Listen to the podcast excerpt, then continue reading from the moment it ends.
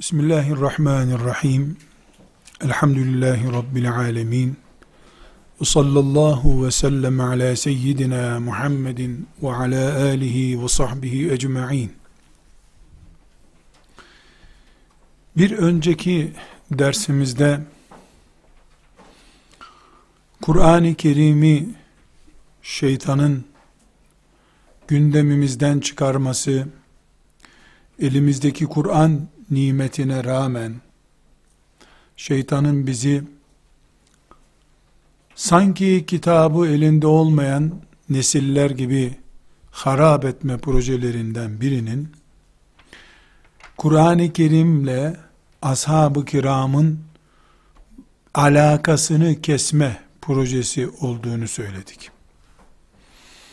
Bir avize gibi olan Kur'an-ı Kerim bizim önümüzde bizi aydınlatıyor. Ancak avize tavana bir halka ile bağlı. Bu halka ashab-ı kiramdır. Ashab-ı kiramı kopardın mı avize yere düşecek. Bunun için Hacı Ömer der gibi Ömer bin Hattab'ı gündeme getirmek, Ali abi der gibi Ali bin Ebi Talib'i konuşmak, Hacı teyze der gibi Aişe'yi konuşmak, ümmetin Kur'an geleceği açısından tehlikelidir dedik. Özellikle vurguladık, bir kere daha vurgulayalım. Resulullah sallallahu aleyhi ve sellem'den başka masum yoktur. Ebu Bekir de, Ömer de, Enes de, Aişe de dahil. Zaten inşallah Tahrim suresinin haraminde yürüyüş yaptığımız zaman göreceğiz ki Resulullah sallallahu aleyhi ve sellemin iki biricik eşi Aişe ve Hafsa ashabında hepimizin de anneleri haklarında Kur'an ayeti inmiş. Ahzab suresinde Allahu Teala sizi tertemiz yapmak istiyor Rabbiniz diye övmüş olduğu kadınlar dahi masum olmadıkları için, hatasız olmadıkları için sevgili peygamber sallallahu aleyhi ve selleme karşı yanlış denecek iş yaptılar. Bunun için de Tahrim suresi indi zaten. Biz Tahrim suresini de adeta onların bu yanlışı ve Asiye'nin, Meryem'in doğrusunu Allah nasıl teraziye koydu onu görmek için okuyacağız dedik.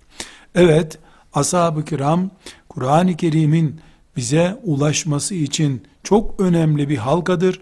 Ashab-ı kiramı kopardın mı Kur'an ortada kalır. Elimizde kalır. Yani o zaman Yahudilerin, Hristiyanların kitaplarına yaptığı gibi bir muamele yapmış oluruz. Maazallah. Ashab masum değiller. Aynı zamanda ashabın bireysel kanaatleri bana göre böyledir dedilerse eğer o tür kanaatlerini de ayet gibi, hadis gibi kabul etmiyoruz şüphesiz. Ama ashab-ı kiramın topluca karar verdikleri bir şeyi Resulullah'ın sallallahu aleyhi ve sellem kararı gibi görüyoruz. Çünkü ashab-ı kiram bu ümmetin emin adamlarıdırlar. Şimdi bu bir önceki dersimizin özetinden sonra bu dersimizde ashab-ı kiramın ilme nasıl ulaştığını konuşmamız gerekiyor. Başlığı şu şekilde koyabiliriz. Sahabe ve ilim ya da sahabe ve Kur'an. Sahabe ve Kur'an. Neden? Çünkü ashab-ı kiramın döneminde onların uygulamasında ilim Kur'an demekti. Kur'an da ilim demekti. Binaenaleyh bir sahabi mesela İbni Abbas radıyallahu anhuma eğer alimdir diyorsak Kur'an'ı biliyor demek istiyoruz. Eğer İbni Abbas Kur'an'ın iyi bilenlerindendir diyorsak alimdir demek istiyoruz. Daha sonra asırlar ilerledikçe ilim şu şu şu şu başlıklar altında ele alındı. Ashab-ı kiramda ise ilim demek 114 konu bilmek demekti. 114 konu biliyor. İbn Ömer radıyallahu anhuma alimdi. 114 konuda uzmandı demek. Yani 114 sure biliyordu. Çünkü onların gözünde, anlayışında hayat Kur'an zaten. Kur'an'dan başka ellerinde bir hayat diyecek bir şey yok. Yaşadıkları, öldükleri her şeyleri Kur'an'a hizmet için bu böyle olunca da ilim dediğin zaman da onların gözünde Kur'an'dan başka ilim yok. Hatta inşallah ilerlediğiniz zaman bu şeriat ilimlerinde göreceksiniz Ömer bin Hattab radıyallahu anh yer yer hadis okunmasını bile hafif hafif azaltın gibi uyarılar yapmış. Bakmış ki önüne gelen hadis okuyor, hadis biliyor. Durun ya ne yapıyorsunuz siz demiş. Ebu Hureyre'yi çağırmış, ikaz etmiş. Sen bu kadar hadisi güvenle mi söylüyorsun demiş. Çünkü hadis sahabinin tek tek bilebildiği şeylerdi.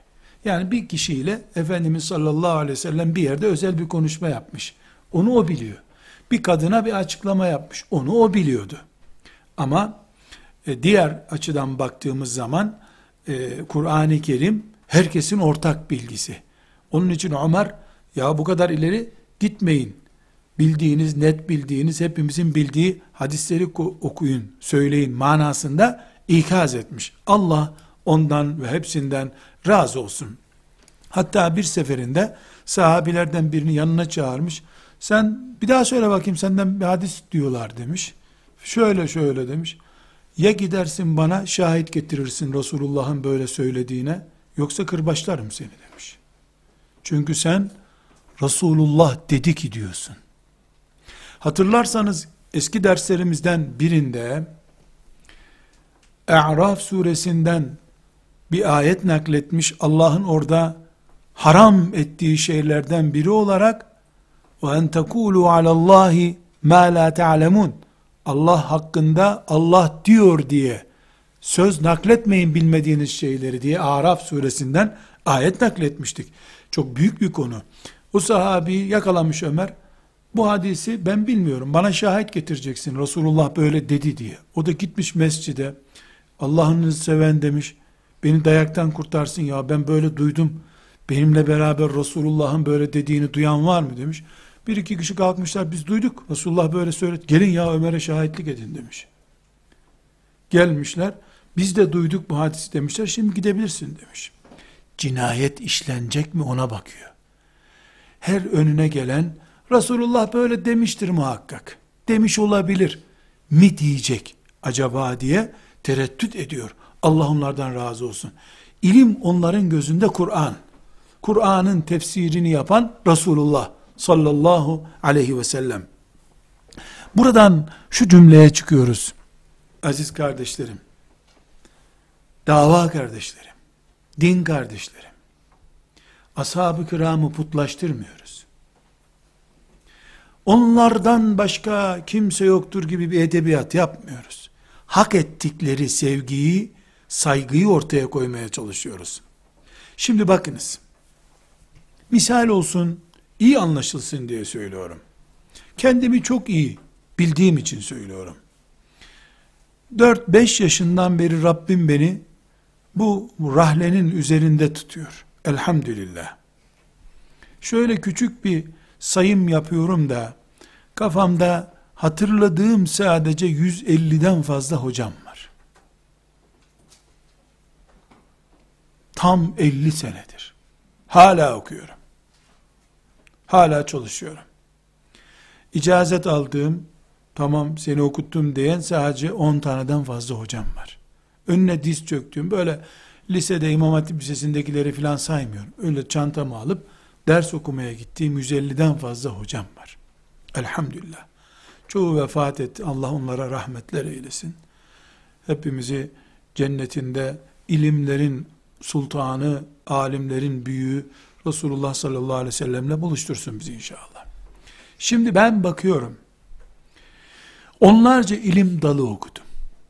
Hadis okudum, fıkıh okudum, tefsir okudum, mantık okudum, kelam okudum, tefsir okudum, matematik okudum, okudum, okudum, okudum. Yani kütüphane gibi her şeyin bulunduğu bir kafam var benim. 50 senedir okuyorum. 50 senedir 50 çeşit ilim okuyorum. Bunların içinde tefsir ilmi de var. Şimdi yaklaşık bir aydır da Tahrim suresinde okturacağız. Tahrim suresinin haraminde yürüyüş yapacağız diye 20'ye yakın tefsirden satır satır yeniden okudum. Yani tefsirde okuyorum.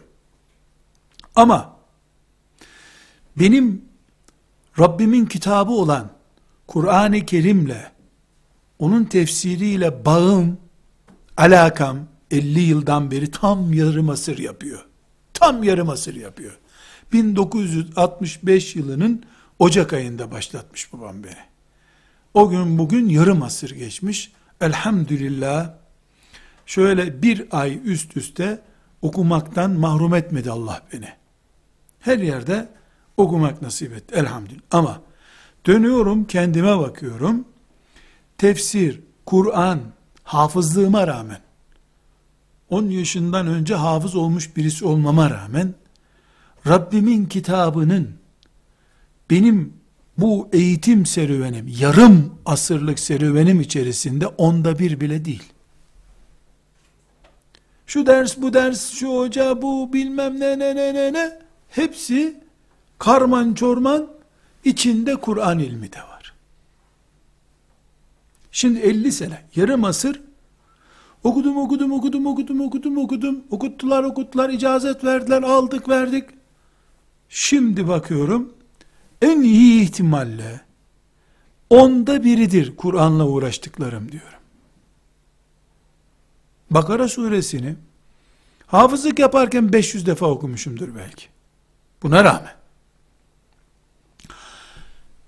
Başka bir sahneye geçelim. Ben böyleyim. Filan alim de böyle. Ben alim değilim. İlim talebesiyim ama alim de böyle. Bu asırda yetişen herkesin temel karakteri böyle. Kur'an onda mesela tefsir profesörü olduğunu düşünün birisinin. Tefsir yazdığını düşünün birisinin. Onda da onda bir değil de onda ikidir Kur'an'a düşen pay. Çünkü tefsir profesörü oluncaya kadar mesela filan düzeyde İngilizce bilmek için iki sene İngilizce kursuna gitmiştir. Çünkü bu topraklarda tefsir profesörü olmak için TOEFL düzeyinde İngilizce bilmen lazım. Aksi takdirde akademik ünvan alamazsın.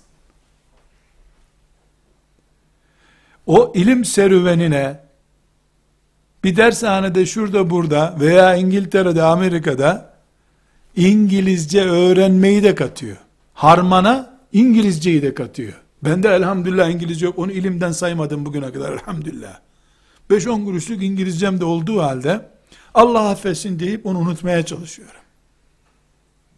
Yani onu havaalanlarında işime yarayacak kadar İngilizce saklıyorum. Allah affetsin, Allah affetsin. Lazım değil.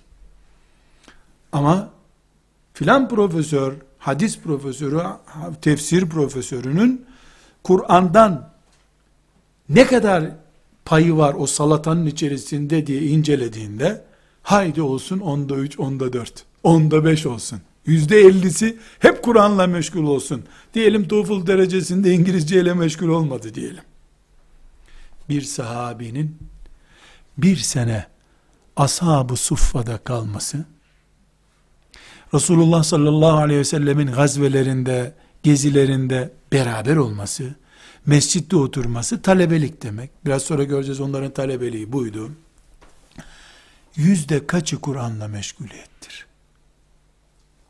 onda kaç? Onda dokuzu desek, onda biri neyle meşgul oldu bu sahabi? Başka bir şey yok ki, Kur'an'dan başka bir şey yok ki. Ya Kur'an var, ya da Allah böyle demek istiyor diyen peygamber sözü var. O da Kur'an gibi zaten, o da vahiy. Şimdi vicdanen ortaya çıkalım. Biz yani bir herhangi bir tenkit yapmak, kendi kendimizi değersiz görmek o açıdan bakmayalım. Sahabenin kıymetini ilim deyince niye sahabi aklımıza geliyor? Sahabiye ait bir görüşün bir tefsir kitabında bulunmasının ne demek olduğunu. İbn Abbas dedi ki deyince bunun nasıl haklı bir söz olabileceğini tefekkür etmek için konuşuyoruz. Şimdi ben veya filanca hoca efendi, filanca tefsir profesörü, filanca akademik insan, iyiliğimiz, kötülüğümüz Allah'a malum. Hiç bunu konuşmaya gerek yok. Yani kendimizi tartıp da ben bu kadarım diyecek halimiz yok ve la tuzekku enfusekum. Kendi kendinizi övüp durmayın Allah buyuruyor. Kıymetimizi Allah bize takdir buyuracak. Ama sadece vicdani bir değerlendirme yapmak istiyorum. Ben ki dört yaşında Rabbim beni rahleye oturttu. Alim, hafız, kurra bir adamın çocuğu olarak dört yaşında okumaya başladım. Yarım asır sonra sıkıştırıyorum, sıkıştırıyorum, onda biri geçmiyor, yüzde on değil. Kur'an'la meşguliyetimin ilim ortamında. Şimdi çalıştığım İngilizce derslerini, mantık derslerini de mi Kur'an sayacağım? Kompozisyon derslerine de mi Kur'an sayacağım? Tamam onlar da benim eğitimimde gerekliydi ya ayrı bir konu. Bütün bunlar gereksiz, lüzumsuz, boş, şey TOEFL derecesinde İngilizce öğrendin sen cehennemliksin diye demiyorum bunu. O manada değil. Bir değerlendirme yapıyorum. Ben yüzde onunu geçmeyen bir Kur'an yoğunluğum var.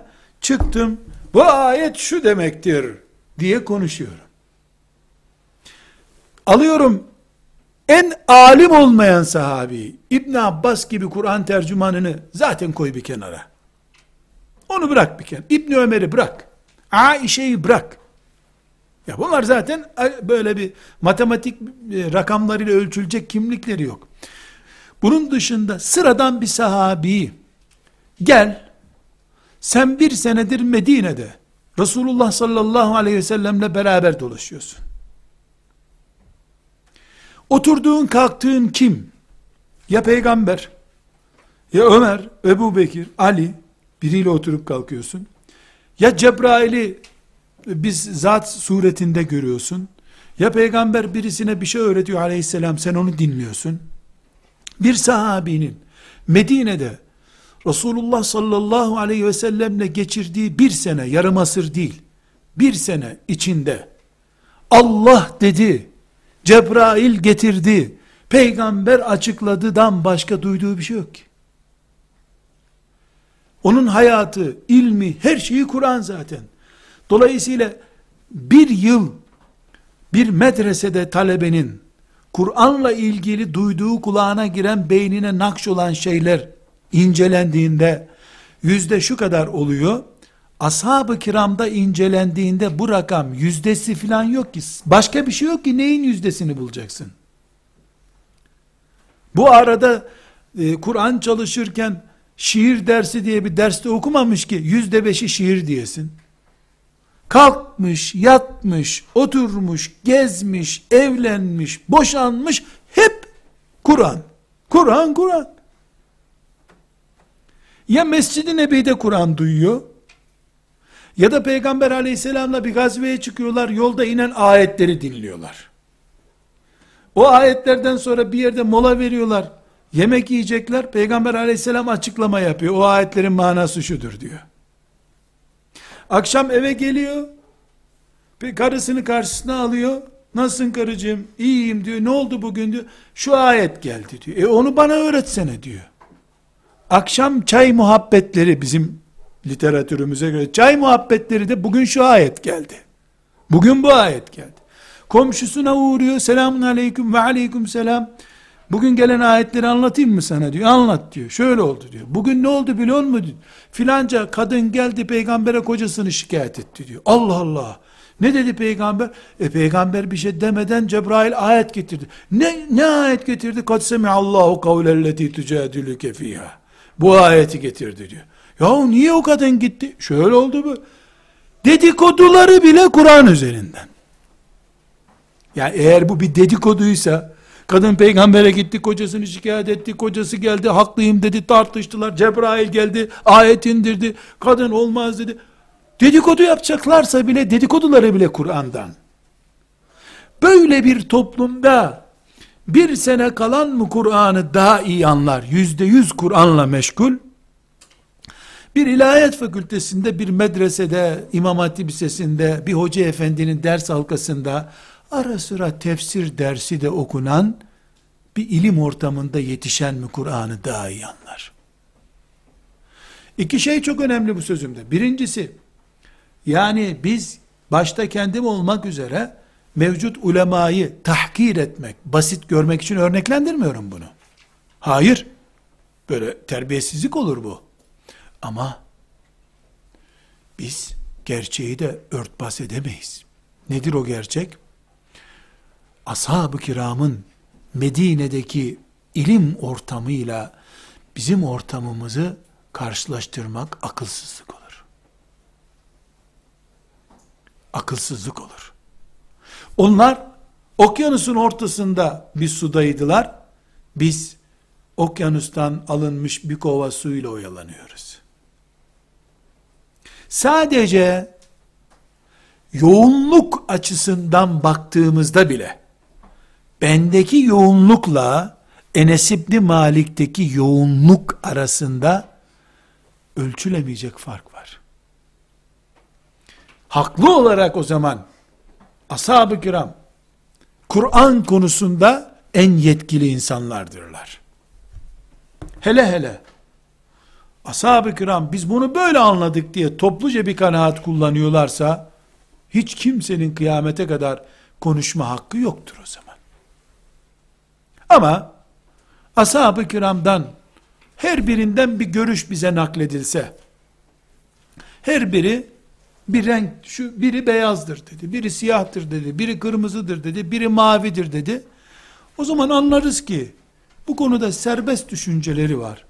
Bir Allah dostunun çıkıp ben de yeşildir demek istiyorum demesini ayıp görmeyiz o zaman. Ayıp görmeyiz. Ama ashab-ı kiram biz bunu Resulullah'tan böyle öğrendik. Böyle anladık dedikten sonra herhangi bir Müslümanın e ben de böyle düşünüyorum demesi anlamsız olur. Onu anlatmaya çalışıyorum. Niye sen konuşuyorsun? Hangi cüretle Allah böyle demek istemiştir diyorsun? Çok okudun. Ne kadar çok okudun? 30 sene, 40 sene, 50 sene. Güzel. 50 senenin toplamında Kur'an'a ayrılmış yüzdeyi bir göster. Bir sahabenin 50 gün içinde Kur'an'a ayırdığı yüzdeyi göster. Niyetleri, ihlası, Allah'ın onları tezkiye etmesini, Peygamber aleyhisselamın bağrına basmasını bunlar hiç konuşmuyoruz. Onlar ayrı konu. Çünkü bu asırda da çok iyi niyetli, ihlaslı, mücahit, müttaki, Kur'an uğruna yüz kere ölmeye hazır Allah dostları olabilir, vardı nitekim. Yani çıkıp meydanlarda saçlarım adedince başım olsa hepsini koparsanız hazırım Allah'ın davası için, dini için, kitabı için vermeye diyenler çıktı. Mahkeme kayıtlarına düşüldü bu sözler. Bu, bu asırda, öbür asırda, gelecek beş kuşak sonraki asırlarda hiç Allah'ın dostları bitmez ki. İhlas ölçümü yapamayız zaten. Senin ihlasın 25 puanlıktır diyecek halimiz mi var bizim? Onu ölçmüyoruz. Zahiri dünyayı ölçüyoruz. Dışarıdan izlendiği şekilde ölçmeye çalışıyoruz, gayret ediyoruz. Bu sebeple ashab-ı kiram ve Kur'an dediğimiz zaman bir defa vicdanen bu hakikatları itiraf etmemiz gerekiyor. Ashab kadar Kur'an konusunda konuşmaya hak sahibi bir kimse olmaması lazım bu dünyada. Hadi diyelim, diyelim ki biz de ashab-ı kiramla eşit şartlardayız diyelim. Ya bir delilik yapıp bunu söyledik diyelim. Belki yani bir deliler kampında böyle bir şey konuşulabilir. Biz de sahabeyle eşitiz bu konuda. Nerede kaldı ki birileri çıkıp Enes İbni Malik'ten daha iyi bildiklerini söyleyecekler. Alim Allah bunu kabul edemeyiz. Edep kuralları bunu ezer geçer. Olamaz. Enes İbni Malik'ten, İbni Abbas'tan, İbni Ömer'den, Ömer bin Hattab'tan daha iyi Kur'an'ı anlamak akıl kârı değil. Neden? İnandırıcı değil çünkü.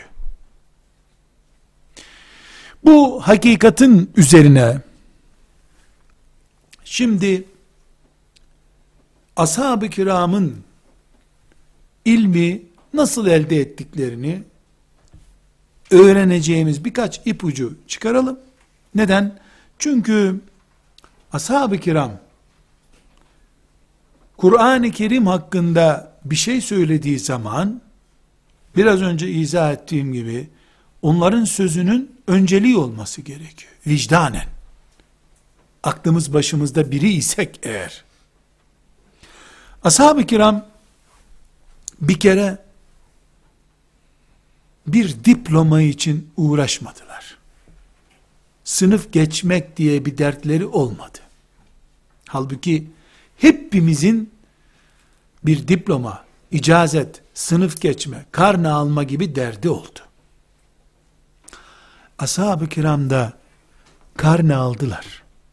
Sınıf geçtiler. Enes İbni Malik'i diriltseler, İbn Abbas radıyallahu anhum cemiyen dirilse, onun gönlündeki diploma Rıdvanullah'tı. Allah'ın rızası. Allah razı oldu mu onlar diploma aldılar, kabul ettiler kendilerini.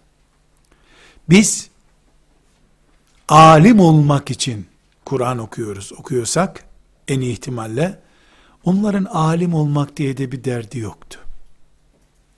Oksijen gibi, havadan oksijen his alır gibi Kur'an ayetlerini aldılar. Bu da aramızda müthiş bir fark. Çok müthiş bir fark hem de. Beklentimizle beklentileri çok farklı. Onun için Allah onların nefeslerini, isimlerini kıyamete kadar yaşatıyor. Beklentileri çok farklıydı. Bu beklenti meselesi o kadar önemli ki, şimdi bile bir bodrum gibi köhne bir yerde beş talebesiyle oturup Kur'an öğrenen, öğreten bir hoca efendiyi bakıyoruz. O yaptığı işin üzerinden neredeyse bir asır geçmiş, hala bugün yaşıyor gibi on binlerce insan onun çığırını devam ettiriyor. Öbür taraftan bakıyoruz, koca bir fakültenin, medresenin, bir okulun başında büyük başlıklı isimlerle duran biri emekli oluyor, mezara konuyor, öbür sene hatırlayanı bulunmuyor. Ashab-ı kiramda da, bu asırda da Allah birilerinin ismini yaşatıyor, birilerininkini yaşatmıyor. Neden? Ha, o neden işte ashab-ı kiramın farkıdır. Ama tekrar vurguluyorum. Sahabinin Peygamber sallallahu aleyhi ve sellemi gördüğü için sahabi olması hariç yaptığı her iş yakalanabilir iştir. Yakalayamaz kimse, yakalayamadı kimse ayrı bir konu. Kur'an sevdaları onların bu asırda, gelecek asırda bir Müslümanda bulunabilir. Bende yoksa benim kısırlığımdandır o. Filanca da az varsa nasibinin az olmasındandır. Ama ashab-ı kiramın sahabiliği hariç namazları, oruçları, cihatları, her şeyleri önü kapatılmış yarış alanları değildir. Açıktır. Becerebilen için. Efendim kimse Ebu Bekir'in düzeyinde olmayı beceremedi. Becerememiş olabilir. Ama Allah kimse Ebu Bekir olamaz demedi. Bilakis Ebu Bekir'i örnek gösterdi. Burada bir konu daha var. Ashab-ı kiram ve ilim başlığı altında ele alınması gereken. Ashab-ı kiram bir hocadan ders okudular. Biz de, ben de, siz de bir hocadan ders okuduk. Benim icazetimi yani hoca silsilemi ben biliyorum. Übey ibn Ka'b radıyallahu anh'a kadar ulaşan silsilemi biliyorum. Übey'e, Übey'den e, Übey'in, Übey ibn Ka'b radıyallahu anh'ın Peygamber aleyhisselamdan ders görmesi, onu Hasan Basri'ye okutması, ona ona ona ona ona 20. 25. 30. 34. 35. 36. gelmiş bana. Hak ettim, etmedim, kıyamet günü ne edeceğim bilmem. İsmim benim, icazetteki ismim. Yukarı doğru taşındığında ta Übey ibn Ka'be kadar gidiyor. Elhamdülillah. Başımda taç desem hiçbir taç o kadar kıymetli olmaz benim için. Ama Übey ibn Ka'b birinci elden öğrendi.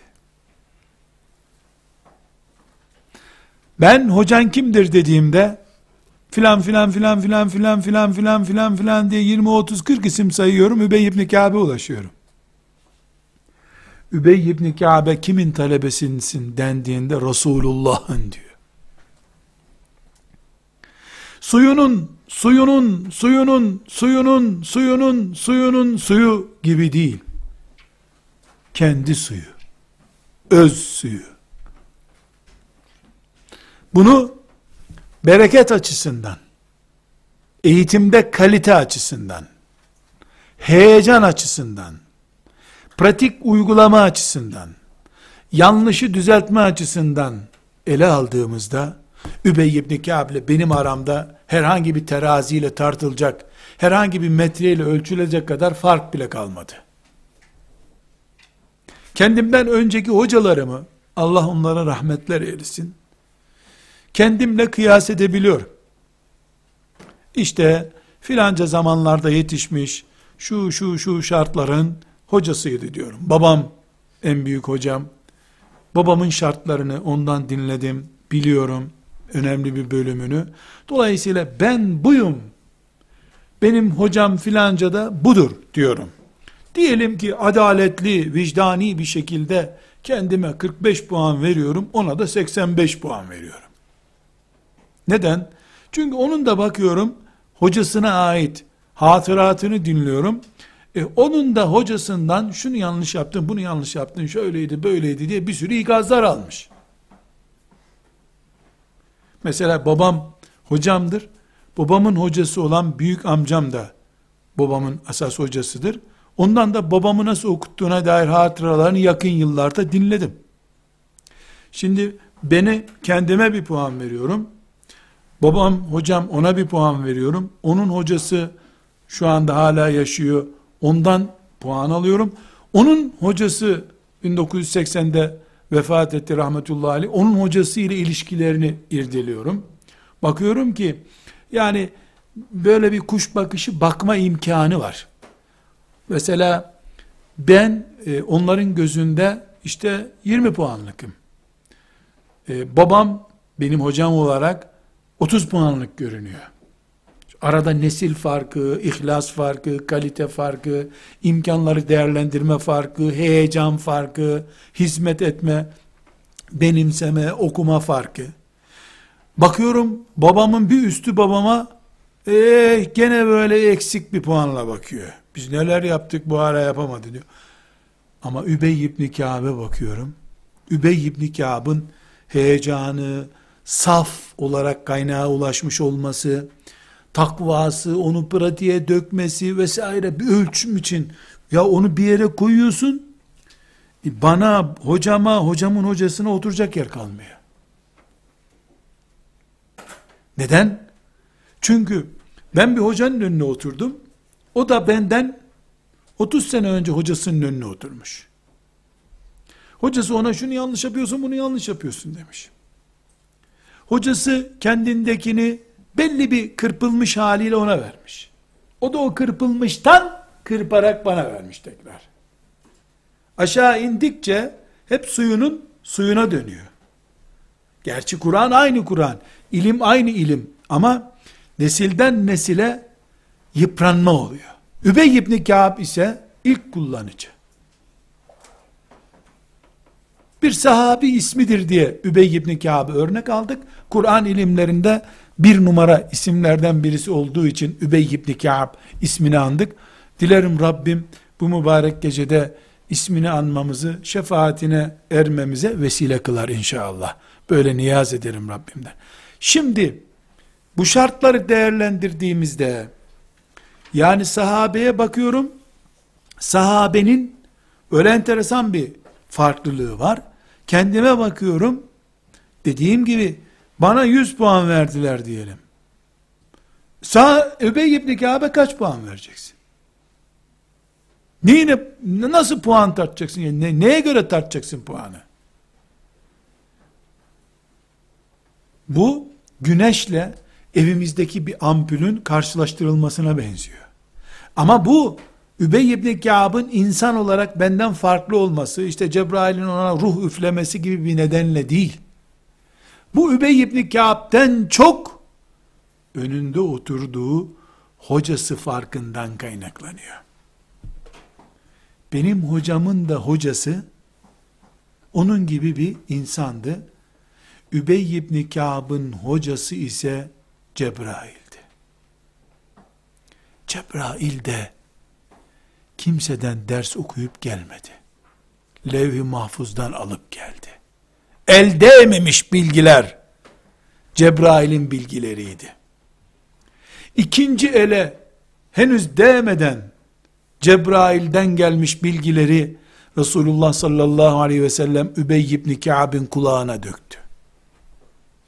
O sebeple Übey ibn Ka'b'ın ihlası ile haşa benim ihlasım veya bu asırda başka bir hoca efendinin ihlası heyecanıyla benim heyecanım takvası ile benim takvam pratiğiyle benim pratiğim benim yanlışımın ihtimaliyle onun yanlışının ihtimali karşılaştırılamaz. Çünkü neden? Ben çocukken filan sureyi Tahrim suresini ezberlerken babam ciddi dinlerdi. Ama yorgun olduğu zamanlar yalnızsız ders okurdum ben. Hiç yanlışım çıkmazdı babam yorgunsa. Yorgun değilse hep yanlışım çıkardı. Bitti gitti onlar. Übey ibn Kâb'ın hiçbir yanlış yapma hakkı yok. Übey ibn Kâb evinde Kur'an okuyordu misal. Öyle bir olay yok. Filan ayeti bir üstün esre yanlış okuyunca Cebrail gelip Übey yanlış okudu diyordu. Übey ibn Kâb'ın yanlış yapma hakkı da yok. Cebrail anında düzeltiyor. Kur'an muhafaza altında. Ben beni dinleyen hocam yorgunsa yalnızsız okuyordum hep. Ne hikmetse o yoruldu mu zihnim açılıyordu. Her talebe için geçerli bu. Binaenaleyh Übey ibn Ka'b radıyallahu an güneş biz ise küçük wattlı bir ampul isek büyük nimet bizim için elhamdülillah. Allah hiç olmasın küçük bir lambamız lambayız deriz. Ama kıyamet gününde bir iznillahi teala bu cılızlığımız, pısırıklığımız, beceriksizliğimize rağmen billahi yeminle içimdeki hissiyatı söylüyorum. Bir santim ayrılmayacağım Übey ibn Kâb'den. Yanındayım. Yanındayım. Neden yanındayım? Beş kuruş ettiğimden dolayı değil. Çünkü yüreğimi yarsa Allah ve size gösterse, yüreğimdeki şeyler görülebilse, Übey ibn Kâb'ı anasının onu sevdiğinden fazla seviyorum. Kara kaşını değil. Kur'an deyince Übey aklıma geldiği için. Kur'an'ıma yaptığı hizmet beni Übey ibn Kâb'ın yediği bir ekmek olsaydım, bastığı bir taş olsaydım diye heyecanlandırıyor. Bu sevdayı Allah boşa çıkarmıyor. Çıkarmayacak da. Bu sebeple ashab-ı kiramla aramızdaki ilim farkını insaflı gözle, vicdanlı bir sözle konuşmamız lazım. Burada önemli bir fark daha var. Ashab-ı kiram, Allah onlardan razı olsun. On binlercesi, Peygamber sallallahu aleyhi ve sellemin sağlığında ve vefatından sonra dünyaya yayıldılar.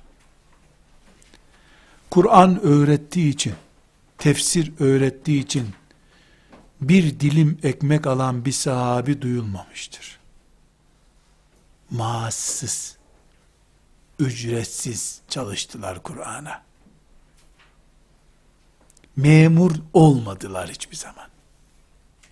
Valilikler vesaireler yaptılar. Ama Kur'an'dan geçinmediler. Ellerinden gelse bedenlerini kuşatan derilerini soyup üzerine Kur'an yazacaklardı neredeyse. Allah onlardan razı olsun. Tekrar ben kendime dönmek istiyorum. Hafızlık yaptığım yılları hatırlıyorum. Topaç gibi bir çocuktum. O günkü resimlerime bakıyorum. Tesadüfen çekilmiş resimlerime. Beni çok severdi insanlar. Bir yerde aşır, birkaç satır Kur'an okuduğum zaman 25 kuruş verirlerdi bana. O 25 kuruşları toplardım. Çok iyi hatırlıyorum. 8 yaşındayken bir grup kadın Ramazan'da bana mukabele okutmuşlardı. Annemi gönderip o kadınların e, asas hoca e, ev sahibi olanına sonunda kaç para verecekler söylesin çatlıyorum demiştim. Yani onlar benden Kur'an dinliyor. Ben onların cüzdanlarına bakıyordum.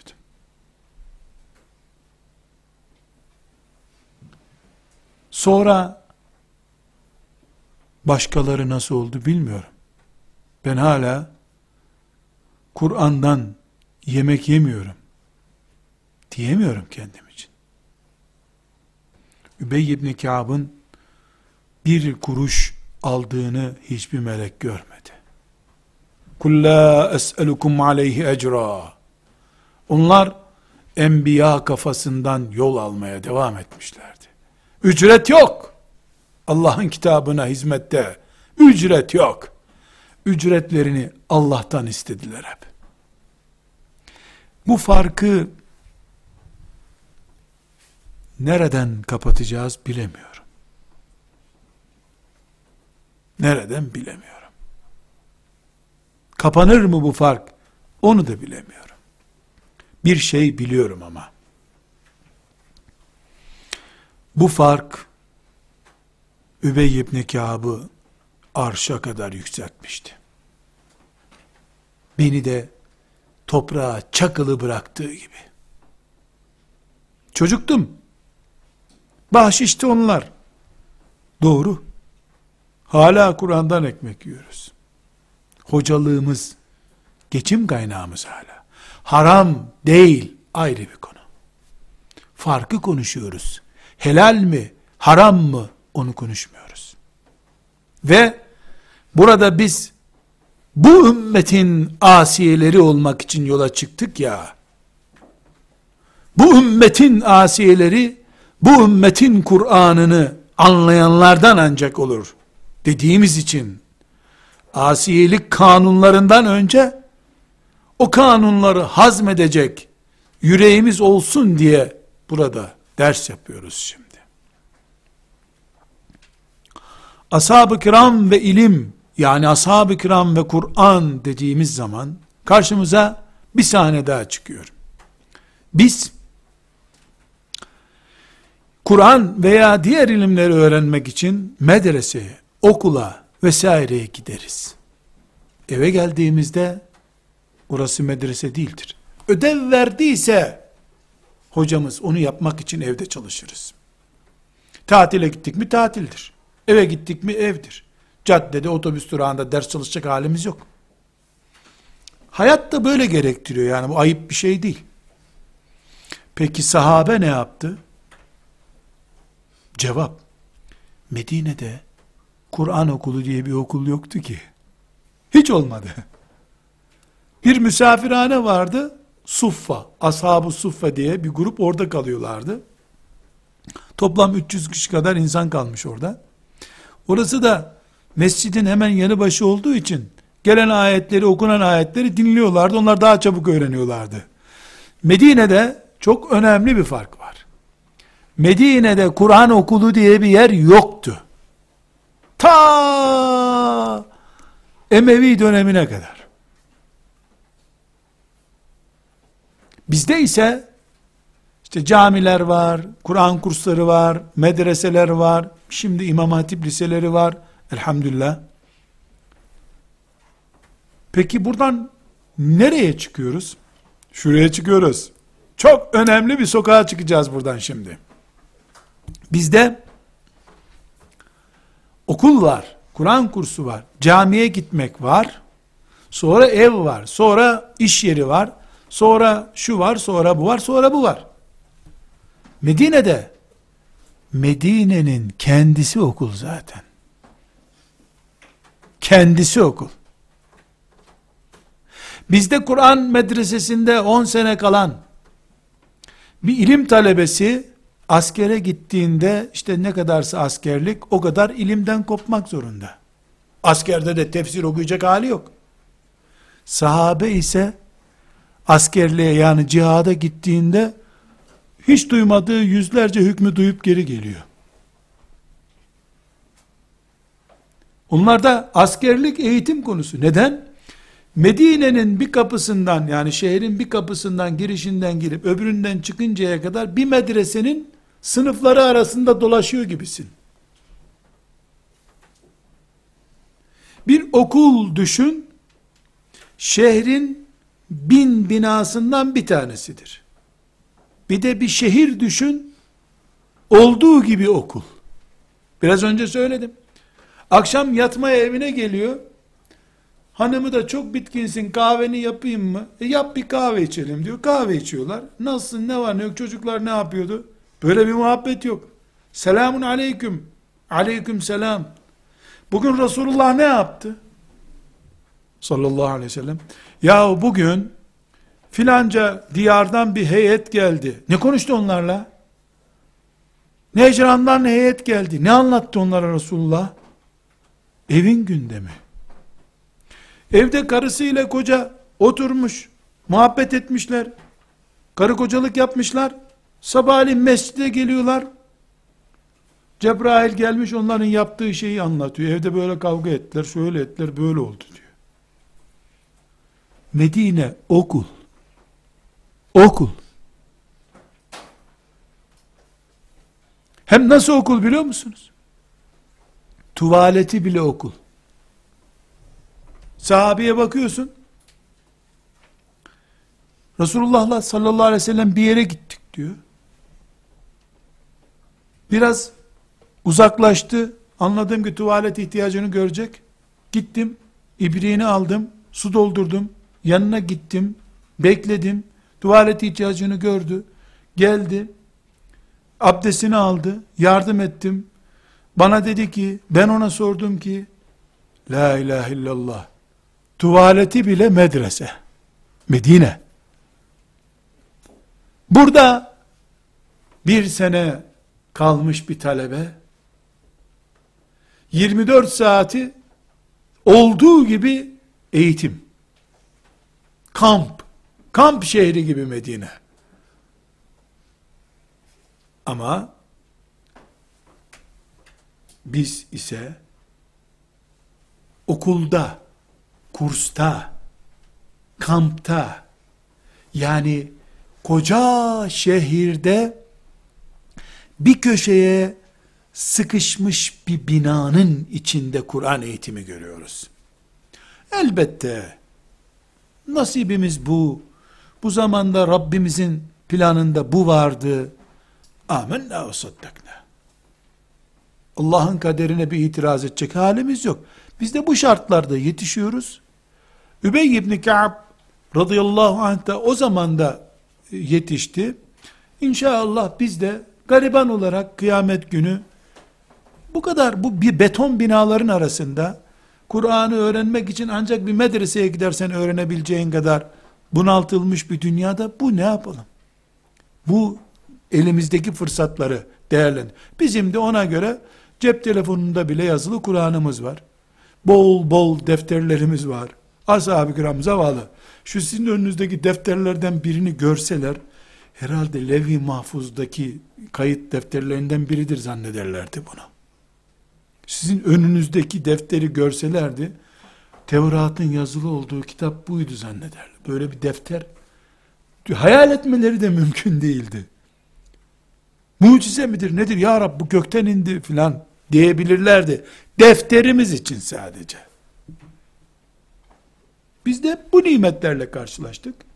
Kıyamet günü inşallah onlar ellerindeki nimetler, biz elimizdeki nimetlerle beraber tutuşa tutuşa Rabbimizin huzuruna çıkacağız. O gün, o gün herkes nimetlerinin, elindeki nimetlerin hesabını verecek. Elbette Übey ibn Ka'b, güneşin dibinde olmanın hesabını verecek.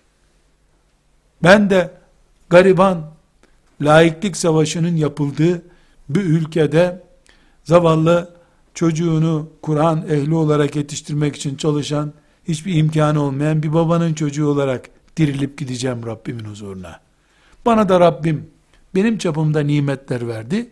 Übey ibn Ka'be de radıyallahu anh kendi çapında nimetler verdi. Herkesi aynı cennete davet etti Allah.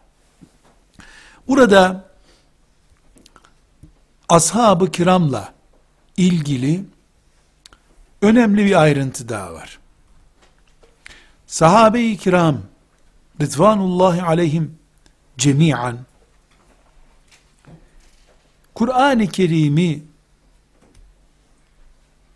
buzdolabından bir dilim peynir alıp, kaşar peynir alıp sofraya koyduğu gibi annelerimiz, Kur'an-ı Kerim'i dilim dilim aldılar, yediler. Bizde ise, Kur'an eğitimi deyince, çocuklarımız, mesela, benim örneğimde olduğu gibi, 20 yaşına gelmeden Kur'an'ın bütününü alıyorlar, sonra da tefsirini öğrenmeye çalışıyorlar. Ashab-ı kiram mesela Bakara suresinin 55. ayeti indiğinde onu aldı evine götürdü pazartesi günü salı günü Mescid-i Nebi'ye döndüğünde 55. ayeti Bakara suresinin onun hafızasında vardı çoluk çocuğuna onu uygulamıştı hanımına uygulamıştı hanımı kocasına uygulamıştı döndüklerinde de bir kusurumuz var mı 55. ayetine göre? Yok. Elhamdülillah deyip yeni ayet geldi mi ya Resulallah? 56. ayeti geldi. Onu alıp gittiler. Böylece Kur'an-ı Kerim nesli olmakta zorlanmadılar. Biz hani hani la teşbih ve la temsil insan yaz günü Ramazan'da oruç tutuyor da çok uzun günler olunca hele sahurda da iyi yemediyse kindiden sonra filan gözleri dönüyor ya. Bir sofra kuruyor ki 5 saat yese bitmez o sofra. Lan sen bunları yiyebilecek mi? Olsun olsun iftardır. Aç ya şimdi. Oturuyor. Hepsinden bir dilimi almadan doyuyor. E gerisi ne olacak? Gerisi duruyor, sofrada duruyor. Şimdi ashab-ı kiram iki hurma ile yaşadıkları gibi iki ayeti hazmettiler, öbür ayeti beklediler. Biz ise bilhassa bizim neslimiz Kur'an'ın yasaklandığı, ezanın susturulmak istendiği zamanın adamlarının çocuklarıyız. Bu nedenle tıpkı iftar sofrasına 50 çeşit yemek koyup kudurmuş, çıldırmış bir adam gibi sofraya oturup hiçbir şey yiyemeyen pozisyonuna düşüyoruz. Aman Kur'an elden gitmesin, Kur'an nesli yetiştirelim diye babalarımız, hocalarımız muhteşem bir gayretle gayret ettiler. Ama neticede işte bu Kur'an-ı Kerim nesli denecek bir nesil yetiştiremediler. Hala bocalanıyor. Hala 25 sene ücretsiz Kur'an okutacak adam bulunamıyor. Varsa da tek tük mucizevi bir tip olarak kalmış oluyor. Ashab-ı kiramla bu farkımızda çok önemli bir fark. Lokma lokma aldılar Kur'an'ı biz sandık sandık aldık. Önümüzde durdu, iştahımız var. Bizde bir gayret var yani elhamdülillah. Babalarımız muhteşem. Ben e, sadece örnek olarak vereyim. Benim yaşıtlarım yani 1960 e, 60'tan işte 65 70'e kadar doğan benim sülalemdeki yaşıtlarımın tamamı 5 yaş küçük yazılmışlardır nüfusa hep. Ben 5 yaşına geldiğimde babam beni nüfusa yazdırmış. Hepimiz bizim sülalemizde, diyarımızda hep böyledir. Neden? Şöyle düşünmüşler. Bu çocuğu devlet bizden alır. Kur'an öğretmeden, hafız yapmadan ilkokulda Latince öğretir. Sonra da Kur'an öğretmekte zorlanırız. İyisi mi biz bunu 5 yaş küçük yazalım. 7 yaşında okula gidecek ya. 11 yaşında okula gidecek bu sefer. 11 yaşına kadar da hafız yaparız düşünmüşler. Vallahi bu niyet kıyamet günü işe yarar bir niyettir düşünüyorum. Çok işe yarar hem de. Sonra ben mahkeme kararıyla yaşımı küçültmek zorunda kaldım. Ya da büyütmek zorunda kaldım.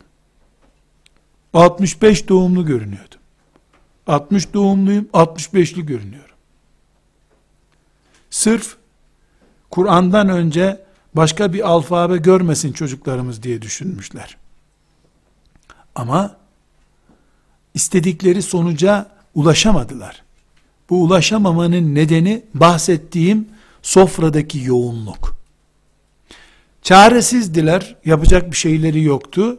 Bu en azından niyetten muhteşem bir kazançtır. Ashab-ı kiram ise adım adım, lokma lokma Kur'an'ı aldıkları için hazmettiler kolayca. Ali bin Ebi Talib radıyallahu anh diyor ki, şu Kur'an'da nerede, niye indi, anlamı nedir diye bilmediğim bir ayet yoktur diyor. Çünkü çocukluğundan itibaren, ilk günden, ilk ayet indiği günden itibaren sallallahu aleyhi ve sellem e, Efendimizin yanında bulundu. E, Resulullah'ın yanında bulunduğu için de her ayet niye indi, nerede indi, ne demek istiyor bildi. Ali otomatik alim. Ali bilmese şaşardım zaten. Ali bilmeseydi şaşardım. E onun yanında olmuş bitmiş her şey niye bilmesin ki? Biz ise sonra topluca öğreniyoruz. Bu topluca öğrenme dediğim gibi mesela Türkiye'deki hemen hemen diğer İslam topraklarındaki uygulama nedir? Çocuk önce bir Kur'an'ı öğrenir. Hiç anlamını bilmediği, ne demek olduğunu bilmediği Kur'an'ı öğrenir. Ondan sonra Arapçası öğrenilir. Ondan sonra tefsire, fıkha vesaireye geçilir. Ashab-ı kiram ise bahsettiğim mantıkla öğrendiler. Peki biz biz yani yanlış mı yapıyoruz? Hayır. Bizim kaderimizde böyle. Bize de Rabbimiz bu planı takdir buyurmuş. Biz de böyle öğreneceğiz. Ama madem ki Rabbimiz bize bunu Übey ibn Ka'be'de onu takdir buyurdu. E herkes payına razı olacak o zaman. Kendimizi kalkıp ashab-ı kiramın makamında görmeyeceğiz. Haddimizi bileceğiz. Onların medresesinde, onların dizinin dibinde oturacağız. Übey ibn Ka'b'ın, Ebu Hureyre'nin, Enes ibn Malik'in, Aişe'nin talebesi olacağız. Ne ala? Elhamdülillah. Burada son bir nokta daha var. Ashab-ı kiram ve ilim dediğimizde. Tefsir kitaplarına müracaat ettiğinizde inşallah, yani tefsir ilmi okuduğunuzda, göreceksiniz ki, ashab-ı kiramın İbn Abbas'ı Kur'an mütercimi gibidir. Ama Aişe'siz de tefsir yoktur. Dolayısıyla kadın dünyası tefsir ilminde geri kalmış değildir. Aişe müthiş bir şekilde hemen hemen her konuda görüşü olan bu, bu olmalıdır. Bu demektir bu. Resulullah bunu şunun için yaptı sallallahu aleyhi ve sellem diyen bir konumu vardır. Bu asırda e, kadınlar niye geri kalıyorlar? Bu ayrı bir konu. İnşallah bir sonraki dersimizde e, asiyeleşme maratonumuzda, Tahrim suresinin haraminde yürüyüş yapma heyecanımızda kadın erkek farkı bu davada var mıdır yok mudur onu orada konuşacağız inşallah. Ve sallallahu ve selleme ala seyyidina Muhammed ve ala alihi ve sahbihi ecma'in velhamdülillahi rabbil alemin.